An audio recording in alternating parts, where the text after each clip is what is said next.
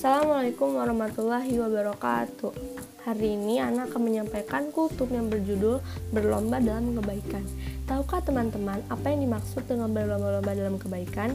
Berlomba dalam kebaikan adalah upaya untuk menjadi yang terbaik dalam ketaatan dan ketundukan, tidak hanya pada kuantitas atau jumlah tapi juga kualitas. Landasannya adalah Al-Qur'an surah Al-Baqarah ayat 148. Allah Subhanahu wa taala berfirman yang artinya dan setiap umat mempunyai kiblat yang dia menghadap kepadanya. Maka berlomba-lombalah kamu dalam kebaikan. Di mana saja kamu berada, pasti Allah akan mengumpulkan kamu semuanya. Sungguh Allah Maha Kuasa atas segala sesuatu.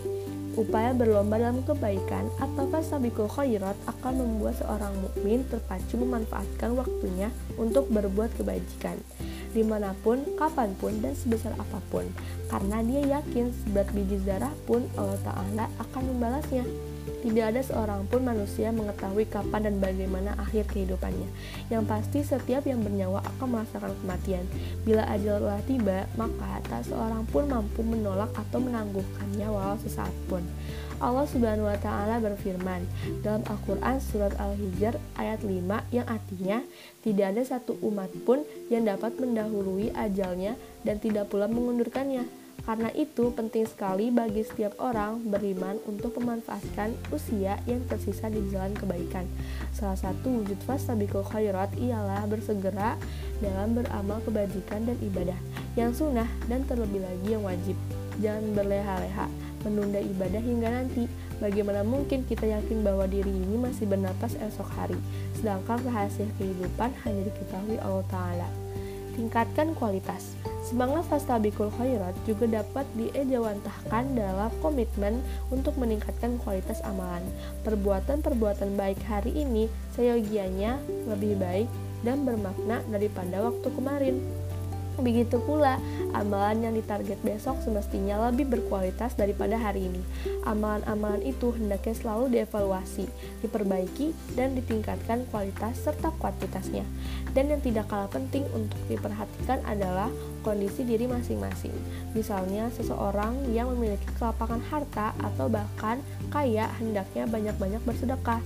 Sementara itu, orang yang sedang mengalami kesempitan finansial tidak perlu kecewa karena belum bisa bersedekah sebanyak yang orang kaya, karena dia dapat melakukan amal solih yang lain, misalnya dengan meningkatkan ibadah sholat malam atau puasa sunnah.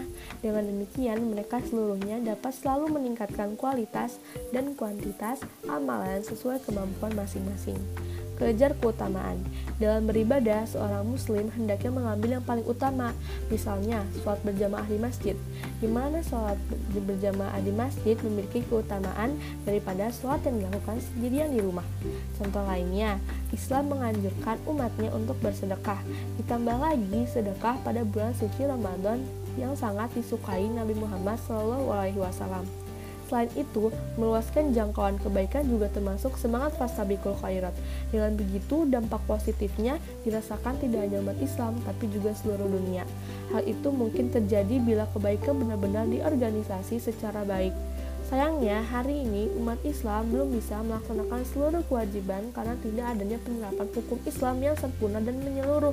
Maka menjadi tugas kita bersama untuk memperjuangkannya agar Islam yang merupakan rahmat bagi seluruh alam, Islam rahmatan lil alamin bisa tersebar luas dan benar-benar menjadi rahmat bukan hanya untuk manusia, tapi juga untuk seluruh alam. Sekian kultur yang bisa saya sampaikan. Maaf bila ada salah kata. Wassalamualaikum warahmatullahi wabarakatuh.